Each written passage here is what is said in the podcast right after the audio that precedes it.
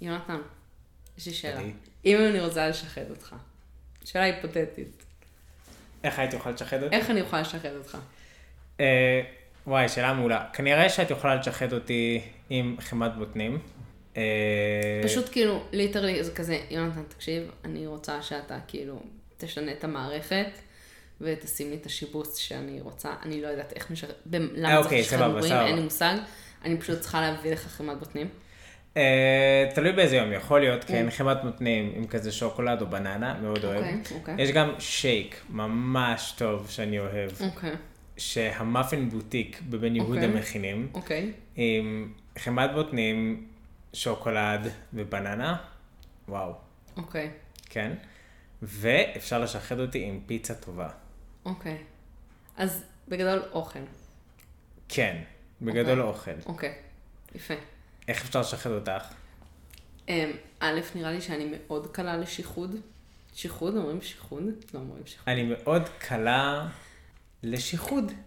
נראה לי שהמצאנו מילה. נגיד, נגיד. אוקיי. נראה לי שיהיה מאוד קל לשחד אותי. אה, אבל יש מצב שזה פשוט יתנגש עם החנוניות שלי, שאני נורא חנונית. אז כאילו, אם אני אגיע לרגע האמת בסוף, אני כזה, שיט, אה, לא, אה, זה אסור, אה, אני לא, אה, זה לא בכללים, אבל, אה, אז כאילו, אני לא יודעת, אבל אם סתם אתה רוצה כאילו, to get in my favor, באמת אבל, נראה לי לשלוח אותי ליום ספא. אחלה שוחד. אה, וואו. כן, אני שלה ביוקר, אני לא כמוך, אין לי חמת בוטנים, אני מסתדר. אה, לא, תשמעי, אפשר לשחד אותי מיליון דולר. כאילו, אה, יהיה אה, ממש קל אה, לשחד אוקיי, אותי. אוקיי, אוקיי, אוקיי. אתה ענית יותר, אתה בעצם ענית על השאלה שאני לא שאלתי והיא יותר חכמה. כאילו, מה הדבר הקטן שאפשר לתת לך כן, כי כאילו דברים? גדולים, כאילו כן, תיתנו לי כזה... זה נכון. אז נגיד, אתה תיתן לי גבינת רוקפור טובה. או כזה גבינת עיזים מיושנת כזאת טובה, ושיחדת אותי. לא נדרש הרבה יותר מזה. בסדר, נעבור הלאה.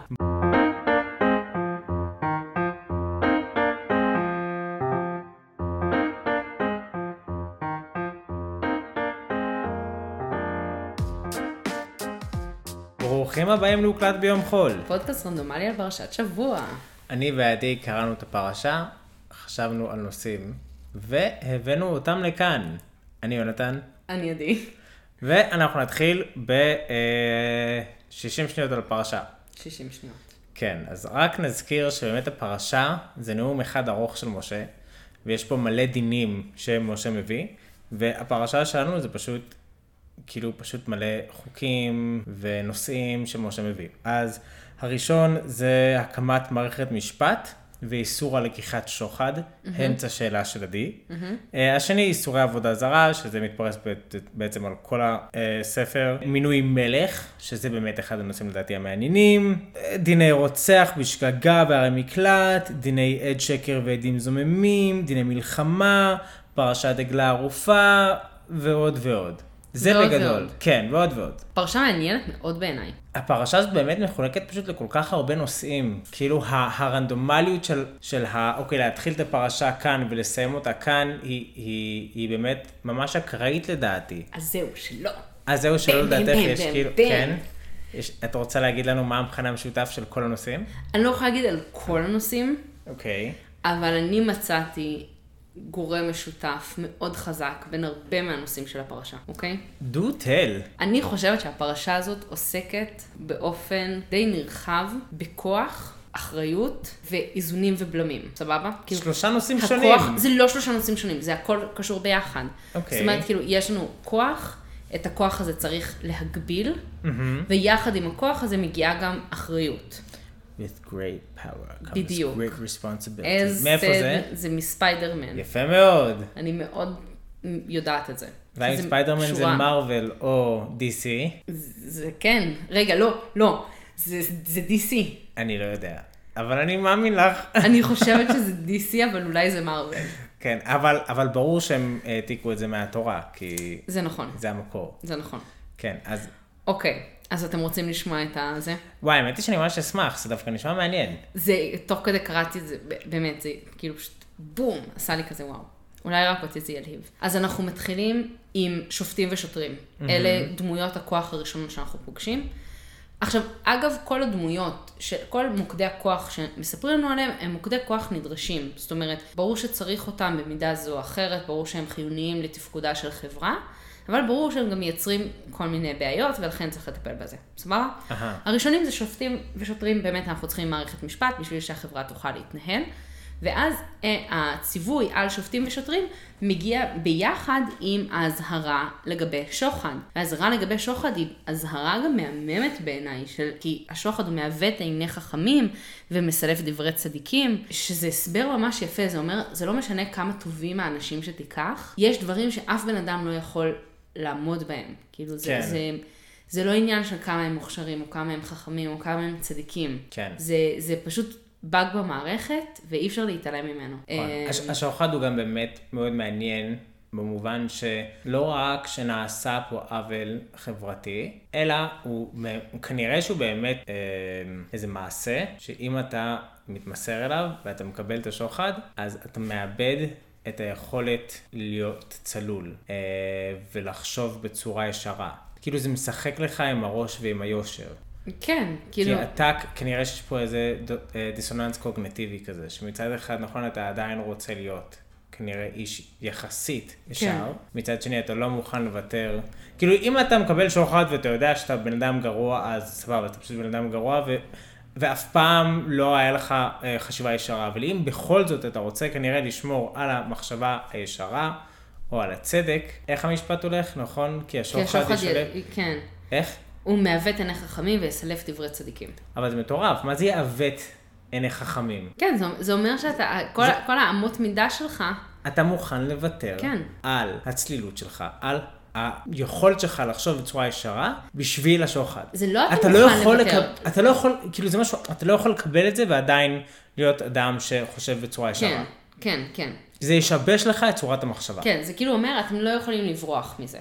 ואני, והקטע עם שוחד זה שאני חושבת שהרבה אנשים מנסים להצדיק לעצמם את השוחד בכל מיני צורות. חד משמעית. אה, ולהוכיח לעצמם שהם עדיין יכולים להישאר אה, אובייקטיביים, או שהם עדיין עושים את הדבר הנכון, כי ביח... עם הכסף שהם יקבלו מהשוחד הם יוכלו לעשות יותר דברים טובים בעולם, או כל מיני, יש מיליון ואחת הצדקות שאנשים מצדיקים לעצמם למה הם עושים כל מיני פעולות. אה, ופה התורה באה ואומרת, תשמעו, זה משהו, אל תיגעו בו עם מקל. אין דרך לצאת מזה, זה תמיד רע, אין דרך לצאת מזה טוב, לא משנה כמה אתם מוצלחים ונהדרים ומקסימים, אין לכם דרך לצאת מזה, ולכן אל, אל תתקרבו לשם. כאילו, אה, אגב, זאת שאלה גם מאוד מעניינת, כי נראה לי שכאילו לקבל שוחד באופן פרטי, זה נגיד לכולם, כולם יודעים שזה דבר שהוא אסור, שהוא לא טוב. אבל אם נגיד מישהו מציע לך שוחד, לא לך אישית, אלא לחברה. עזבי אפילו חברה. אני חושבת, לא, אגב, לבית הספר. זה היה אה, הסיפור מישהו- של אה, אורי לופליאנסקי, ש... שהוא נתנו לו כספים, אם אני לא טועה, לכאורה. אוקיי. שהיו לו, כן, היו נותנים לו כספים ליד שרה, שזה הארגון שכאילו הקים, והוא היה באמת, ו- ובגלל זה אני חושבת שהוא גם עשה, כאילו לא, נראה לי הוא היה, שגם, אני חושב שגם הוא אישית קיבל... אה, אני חושבת שבסוף שוחד. הדברים כאילו הלכו בעיקר ליד שרה, זה היה הסכומים הגדולים, אהה. וזה היה ממש איזה מין כאילו, זה ארגון שהיה לנו, כאילו, זה ארגון ש- שלו, שהוא הקים, היה לנו נורא אכפת ממנו, הוא רצה שיהיה לזה שם כסף, ושהיא היא יכולה לעשות דברים טובים. והנה, גם פה זה שיבש, כאילו זה משבש דברים, אי אפשר. גם לארגונים, גם למקומות אחרים, אתה לא יכול לקבל שוחד. כן יש סיטואציות שבהן השוחד יכול להיות מאוד לא ברור שזה שוחד. כאילו שהדבר שמבקשים הוא לאו דווקא משהו שהוא ממש... אני חושבת ששוחד הוא עוד לא צריך לבוא, הרבה פעמים המתן של השוחד לא צריך לבוא עוד במעמד הבקשה. זאת אומרת, יש משהו רק בלקבל מתנה ממישהו שלא אמור לתת לך מתנה. אבל שוב, אם זה לא הולך לך, אם זה... שוב, בוא ניקח בית ספר. לצורך העניין, הילד לא עבר את מבחני הקבלה לבית ספר, וההורים אומרים, קבלו אותו, ואנחנו נתרום לכם חדר מחשבים. אוקיי. האם זה שוחד? האם זה סוג של שוחד? זה סילוף הדין. ילד אחר לא היה מתקבל. הוא לא זה כנראה היה... שוחד. הוא, הוא גם לא היה קרוב להתקבל. זה כנראה, זה אבל שוחד. התלמידים האחרים מרוויחים מזה. בסדר, זה לא אומר שהמציאות לא מזה. מורכבת. יכול להיות שמראש תנאי הקבלה של הבית ספר הם לא משהו כזה איי איי איי, כן? אני, אבל אני רק אומר שנגיד במקרה כזה, קודם כל אני תוהה מה באמת הדבר הנכון לעשות, ואני לא יכול להבטיח שאני לא הייתי עושה, כאילו אני חושב שזו באמת דילמה, דילמה אתית, אני חושב שיש באמת מקרים של שוחד שהם אישית קשים לבן אדם. כי מציעים לו כל תראה, כך אני- הרבה והוא לא יכול לחשוב אני ישר. חושבת שגם- אבל יש, אבל יש מקרים שהם קשים, שהם, שקשה להגדיר אותם כשוחד. אני חושבת שכאילו גם התורה אומרת ספציפית על שופטים ושוטרים. היא לא מדברת על מנהלי בית ספר. אוקיי. אמ, יכול להיות שזה מכוון, יכול להיות שאז לא היו מנהלי בית ספר. זה מעניין האם פשוט יש פונקציות. כי אגב, אנחנו נגיע לזה Mm. מעניין. בסוג השלישי של האנשים, על מקום שבו זה קצת משתנה. סבבה? אבל יש לנו זה כאילו השופטים והשוטרים. אוקיי. זה? מעניין שזה על שופטים ושוטרים, נכון. זה השופטים ושוטרים, מעניין מה זה אומר. אני כן חושבת שקריאת הכיוון המאוד מאוד ברורה וחזקה נגד אני השוחד. כן חושב שזה אנשים שהם מאוד אה, חשופים לשוחד, ויש להם כן. המון השפעה על החברה. כן, ואנחנו רואים את זה. נכון. נכון. נכון. אנחנו גם, כאילו, יש אלפי סיפורים שהיו וסופרו ויסופרו. כנראה שתמיד, לנצח יהיו שופטים ושוטרים ואנשים אה, כן. במערכת אכיפת החוק שמקבלים שוחד ומעוותים את הדין, וכאילו, ומי שרוצה לראות סדרה מעולה על זה, שירת שב"ס. אני לא ראיתי, אבל וואי, אם יונתן אומר, אז מעולה. אתם יכולים לראות. כאילו, אוקיי, אז זה היה השלב הראשון, יפה. בסדר? שלב שני, שלב שני, זה לא שלב שני, זה סוג שני. סוג שני. זה מלך. הפר- בפרשה אנחנו, אה, יש את פרשת המלך, שאגב היא מאוד מעניינת, כי לא ברור אם אנחנו מצווים להביא מלך, או אם יש שם איזה מין תיאור מצב, שתדעו לכם, יהיה נמושות, שמתישהו אתם תרצו מלך, ואז אני פשוט אענח ואגיד לכם, בסדר קרציות, שימו עליכם מלך. זה נכון. מין, כאילו, יש שם איזו דואליות לא ברורה, שאנחנו גם באמת רואים אותה אחר כך כשהם מבקשים מלך, שהיא לא פשוטה לקדוש ברוך הוא לתת לבני ישראל סימני מלך. כן, זה, זה, ה... זה המתח ה... ה... כאילו הממש ידוע בתנ"ך והלא ברור שבספר שמואל נכון מבקשו כן. מלך, ושמואל מאוד כועס על העם, לעומת ספר דברים שכשתגיעו לארץ ותבקשו מלך. אבל כבר עכשיו זה כזה, זה מין תיאור מצב, זה לא ברור שזה ציווי, תיאור מצב, זה מין כזה, אנחנו כאילו, לא ברור אם הקדוש ברוך הוא בעד או שהוא משלים עם המציאות. תשים עליך מלך. אבל, והיה ובאת אליי, לא כתוב. לא כתוב, לדעתי לא. כתוב משהו כזה. כי תבוא אל הארץ אשר אדוני אלוהיך נותן לך וירשת וישבת בה ואמרת שימה עליי מלך. נו, ואמרת, בסדר, אבל האם אה, הוא אומר, הוא מתאר מצב עתידי שיקרה, או שהוא אומר, כשאתה תגיע לארץ, אז יהיה אז, הזמן נכון, זה שאתה, לא ברור. ת, שאתה תבקש מלך. זה לא ברור, גם יש מצב שאני, זה לא ברור. שכאילו בגלל שאני כבר, אני מכירה את הסיפור משמואל, אז אנחנו קוראים את זה פה במין כזה סימן שאלה. נכון, אבל אני חושב שפה לא זה. זה גם עומד בפני עצמו, לא תמיד צריך נכון. להקביל אותו לספר שמואל, אבל... נכון. אה, עכשיו, המלך, יש עליו הרבה מגבלות, באופן יחסי. הוא לא יכול להרבות סוסים, הוא לא יכול להשיב את העם מצרימה, הוא לא יכול להרבות נשים, הוא לא יכול להרבות כסף וזהב. נכון. שזה די להגיד לו, אתה תורה. לא יכול ליהנות יותר מדי. זה קודם כל הדברים שאסור לו. נכון. אוקיי? זה במסגרת המגבלות. ואז גם מה שהוא צריך לכתוב את ספר התורה, וממש כתוב שלא ירום לבבו. כאילו, אל תתגאה מעל בני עמך. אה, נכון. שזה ממש כאילו אומר, בסופו של דבר המעמד של מלך הוא די... אה, הוא משרת של העם. כן, הוא משרת של העם והוא אפילו לא כזה משרת של הקדוש ברוך הוא ביחס לתפקידים האחרים. אז אוקיי, אז זה עוד כוח של סמכות שהוא מוגבל, ואז יש לנו את הכהנים ואת הלוויים, אוקיי? שיש להם כוח של סמכות שהוא מגיע בירושה, זאת אומרת הקדוש ברוך הוא בחר בהם אז, אי אז, והכוח הזה ישתמר אצלם. אה, והם, זה לא כתוב פה כמגבלה, אלא כמין תיאור מצב של אין להם נחלה. אני חושבת שזו סוג של מגבלה, כאילו ככה אני קראתי אותה עכשיו כשקראתי את הפרשה כמין כאילו כוח ומגבלות וכאילו הגבלה של כוח, אז זה פתאום הרגיש לי כמו איזה מין מגבלה של כאילו, אז אתם תלויים בעם ויש פה איזה מין תלות הדדית, העם צריך אתכם, אתם צריכים את העם, הם מאכילים אתכם, אתם מכפרים עליהם, וזה יוצר פה איזושהי מגבלה. אנחנו כן רואים בסוף, בנביאים, שזה הופך להיות באמת מערכת של שוחד.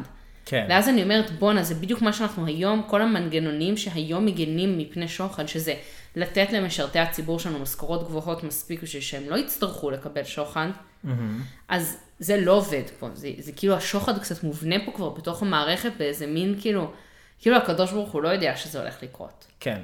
שזה- זה הופך באמת להיות ממערכת שהלוויים אמורים להיות תלויים בעם, כן. ו- ו- ואסירי תודה שהם מאפ- לזה שהעם כאילו עובדים בשבילם, ושמגיע להם, אבל זה כן קצת מוצג פה, כי כאילו, אל תשכחו שללוי אין נחלה, ולכן אתם צריכים לדאוג לו. כן. שזה כן בעיניי מין מגבלה ללוי, של כאילו, אתם, אתם לא יכולים לעשות מה שבא לכם, כי בסוף אתם תלויים בעם. כן. אה, בשביל להפעיל את בית המקדש, להיות, שכן יהיה לכם איזשהו ייצוג דתי. עכשיו, כמו לכל מערכת טובה של מגבלות וזה, יש אגב- לנו אחד, אה, כאילו דמות אחת, מה רצית להגיד? לא, זה רק מעניין כי נראה שגם, לא יודע אם זה נכון, אבל זה נראה שמה שאלוהים מנסה לעשות ללוויים, זה להגדיר אותם, שכל המהות שלהם זה שהם משרתים של אלוהים. ואין להם כל כך תחושת עצמיות.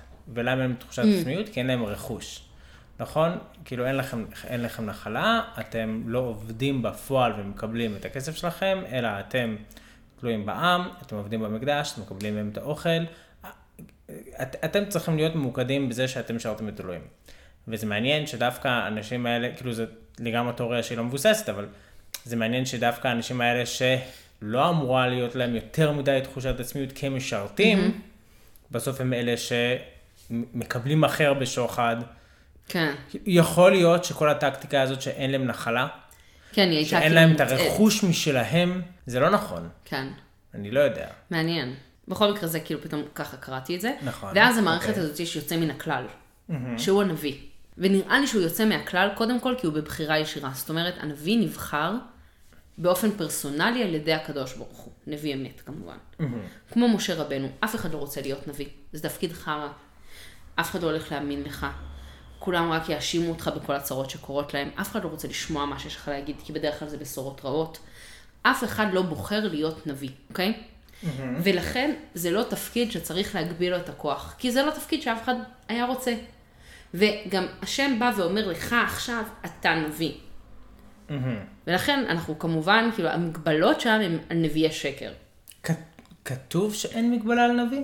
לא, לא כתוב לא שאין. מגבלה, פשוט אנחנו לא יודעים שיש שם, הנביא. נביא הוא נבחר של השם וצריך להקשיב לו וצריך זה, ולא מצאתי שם שום משהו שכתוב שהיה נראה כמו איזושהי מגבלה או נכון. איזושהי אחריות שהוא צריך לשאת בה. זה נורא מעניין. כן, ואז הגעתי למסקנה שזה פשוט כי זה תפקיד כל כך לא נחשק, שהסיבה היחידה, שכנראה שנביאי אמת הם אנשים שלא היו רוצים לקבל את הנבואה, וקיבלו כן. אותה בכל מקרה מהקדוש ברוך הוא, ומי שהיה רוצה בנבואה, אמ, והוא הוא כנראה נביא שקר שרק מחפש את הכוח שבזה, ואז צריך כאילו כן, להוקיע אותו. נראה לי שגם הנביא, אני לא בטוח שזה נכון, אבל נראה לי שגם הנביא הוא באמת אינדיבידואל. כן, זה נכון. לעומת, לעומת האנשים האחרים שהם נכון. יותר חברות. עכשיו, זה לא מדויק, כי בספר שמואל יש לנו את בני הנביאים.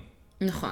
אה, ואני לא יודע בדיוק מה הם היו, אם היה נכון, אנחנו- אנחנו- זה לא- זה- קבוצה של כן. אנשים שלמדו להיות נביאים, ואני בטוח שיש אנשים שכן רצו להיות נביאים, אה, אבל בסוף הנב... אבל אתה הנביא לא יכול שמשפיע, לרצות להיות נביא.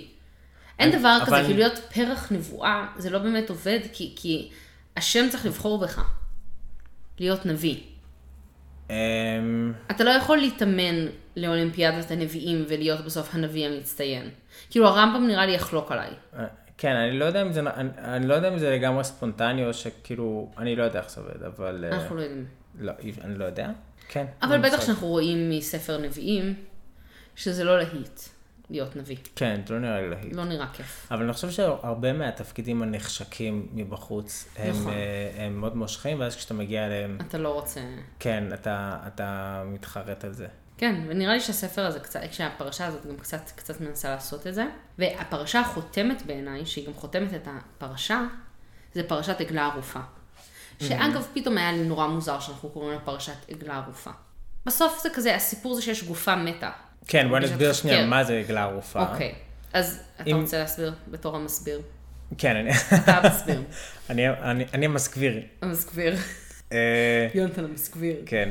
אם אה, נמצא אדם, אם תס- תתקני אותי אם אני מפספס משהו, אם נמצא אדם מת, אה, שלא יודעים מי הרג אותו, אז בעצם אה, בשטח מודדים, פתוח, כן. כן, בשטח פתוח, מודדים איפה העיר הכי קרובה, ואיפה שהעיר הכי קרובה, הזקנים וה, ו, וכל אנשי העיר צריכים לקבל עליהם את האחריות, ואז יש טקס שלם של לערוף את הראש של עגלה ודרך בלה בלה, לכפר על אה, העיר, כי כנראה שזה הגיע מהם. מישהו צריך לקחת לא, אחריות. זהו, לא, לא ברור אפילו למה הם צריכים, הם פשוט אומרים, הם אומרים, יש שם ידינו לא שפכו את הדם הזה, יש שם איזה קטע מוזר עם נחל איתן שצריך להיות שם, יש שם קטע שהכוהנים צריכים להיות שם, והם שם, אין להם תפקיד, הם שם רק כי השם בחר אותם.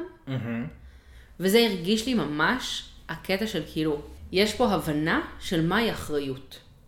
זאת אומרת, קודם כל אנחנו בודקים הם, בשטח של מי זה היה, ויש פה הבנה שבני ישראל צריכים להבין שלטריטוריה יש אחריות. זאת אומרת, אתם יושבים עכשיו בעיר, אתם אחראים למרחב מסביבכם.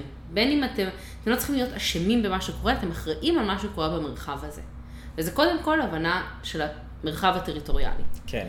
ואז יש גם הבנה של זקני העיר והכוהנים, שהם גם נושאים בעוונות שהם לא שלהם. זאת אומרת, בתור ההנהגה, אתם נושאים, בדיפולט אתם אשמים. אתם לא, לא בדיפולט אתם אשמים, בדיפולט אתם אחראים אמ, אוקיי. על מה שקורה. כן. ואם עכשיו קרה פה איזה משהו ש- שאנחנו לא אוהבים, לא זה, אתם צריכים להיות שם ולקחת עליו את האחריות. אתם לא לוקחים את האשמה בהכרח. אתם, אתם, הם לא אומרים ידינו שפכו את הדם הזה. נכון. אבל הם צריכים להגיד אחראים. ידינו לא שפכו את הדם הזה, יש פה איזושהי התייחסות. אז אני אומר, בדיפולט... אה, לא, טוב. בדיפולט הם, הם לא אשמים. מה שגם מעניין במה שאת אומרת, עם כל הרצף הזה של, ה, של, ה, של החוקים, זה שזה תפקידים שלכאורה הייתי יכול להיכנס לתפקיד, מתוך מחשבה שמה שאני ארוויח בתפקיד הזה זה בדיוק את זה הדברים... כוח. זה לא רק כוח, זה באמת בדיוק את הדברים שאסור. כלומר, למה שאני אהיה שוטר? לשוטר יש, או לא- לאיש שממשטר את כן. החברה, יש לו, הוא, הוא באמת באיזשהו מובן מע- מעל החוק. יש לו כוח אדיר, ואותו דבר עם שופטים. ודווקא אלוהים אומר, אתה לא יכול לקחת שוחד. כי שוחד זה באמת הדבר ש... כאילו, זה כל כך מתאים, שוחד בשביל שוטרים ושופטים. באמת, זה כאילו, זה כמעט לא טבעי לא לקחת. נכון. אה, ואותו דבר מלך, שהוא כאילו מעל כולם. כן. ולכאורה אמור להיות לו את הכי הרבה כסף ואת הכי הרבה סוסים, כי הוא שולט על כל הדברים האלה. נכון. ואלוהים גם אותו מגביל ואומר, כאילו, יש פה תפקידים, יש פה אלמנטים כמעט טבעיים לתפקיד, ואלוהים מנסה אה, להוציא את האלמנטים האלה מהתפקיד. לא יודע, זה, זה פשוט באמת מאוד מעניין. כן. כן, כן. זה גם ממש כאילו פותח את הפרשה וסוגר את הפרשה. אה, לגבי העגלה הערופה, מדהים. ממש מדהים. כן. כן, שכאילו, אתה, כן, בד- בדיפולט אתה אחראי על כל מה שקורה פה. כאילו אנחנו, אנחנו מה? מתחילים בשוחד, ואז אנחנו מסיימים בעגלה ערופה, וכאילו... לא זה ממש צבע לי את כל הפרשה בצבעים האלה. מגניב. יפה, אחלה, אחלה מחשבה על הפרשה. תודה. אמ, אז לי הייתה מחשבה זה? קצרה, אמ, והיא בעיקר על המלחמה, ש- Mm. שזה באמת אה, סיפור קלאסי ש- שבאמת לומדים מלא, ואני חושב שהרבה אנשים מכירים את זה, שלפני שיוצאים למלחמה, קיצור, שלפני שיוצאים למלחמה צריך לוודא שיש, אנ- שאנשים שיוצאים הם לא אנשים שלא בנו, שאין להם בית חדש, כרם חדש ומאורסים, וגם אנשים שהם מפחדים לא יכולים גם לצאת. אבל מה שעניין אותי שם זה באמת, יש פה ציווי, והציווי הוא מאוד מעניין, אה, שהוא אומר, "כי- כי תצא למלחמה על אויביך, וראית סוס ור- ורכב, עם רב ממך, כן, כאילו, אתה באמת תראה דברים מאוד מאוד מפחידים, כאילו, תדמיינו את אה, הסרט של שר הטבעות, וכאילו מיליוני אורקים כאלה, עם כזה חרבות, ו... ואז, כאילו, הציווי הוא, לא תירא מהם, כי אלוהיך עמך. כאילו, וזה ציווי מאוד מעניין בכלל בעולם האמונה. אמ, ו- ורואים באמת שהרבה פעמים האנשים שבאמת לא מפחדים, הם אנשים, סתם, באמת אני חושב על כאילו מחבלים מתאבדים. כאילו אנשים שבאמת שהם חסרי פחד. ו- ומה שנותן להם את הכוח הזה, זה אלוהים. והם מצווים לא לפחד. כן. ואז באמת כל הדברים האלה שבאים אחר כך הם אנשים שיש להם יותר מדי מה להפסיד, כנראה שזה גדול עליהם לא לפחד. אבל, אבל באמת עניין אותי ש, שה, שאני לא בטוח, אני לא יודע אם הציווי של לא תפחדו, היה יכול להגיע בלי המשפט אה, שאני איתכם. כלומר, האם צבא שאין לו אלוהים, ואז המפקד אומר להם, אל תפחדו, אנחנו ננצח. האם, האם זה דבר שהוא אפשרי? יכול להיות שכן, אבל אני חושב אבל זה מאוד מעניין שהכוח האלוהי, בין אם זה פסיכולוגי, בין אם זה אמיתי, אני לא יודע, הוא, הוא באמת כנראה נותן לאנשים כוח לא לפחד. ורואים את זה. אני חושבת שאנחנו רואים את זה בעוד דברים בחיים. אני חושבת שכאילו באופן כללי אנשים שהם מאמינים, אז נוטים להיות גם קצת יותר אופטימיים לפעמים. אה, ומהצד השני גם קצת פחות, לפעמים אני מאוד מכלילה, אבל כאילו, לפעמים גם קצת פחות אחראים לכל מיני סוגיות אה, רחבות יותר, כי יש איזה מין אמונה שמתישהו משהו יבוא ויציל אותך. לא צריך לדאוג יותר מדי, כי בסדר, אלוהים איתנו, הוא יעזור לנו. כן. אמ, אז לא צריך לדאוג יותר מדי, אה, לא יודעת מה, אה, למשבר האקלים, לא צריך לדאוג יותר מדי, לא יודעת, לכל מיני אבל דברים. זה, אבל, אבל מה, ש, מה שאת אומרת, אני לא מבטל את זה, אוקיי. אבל זה, זה שיפוטי, כאילו כלפי האנשים.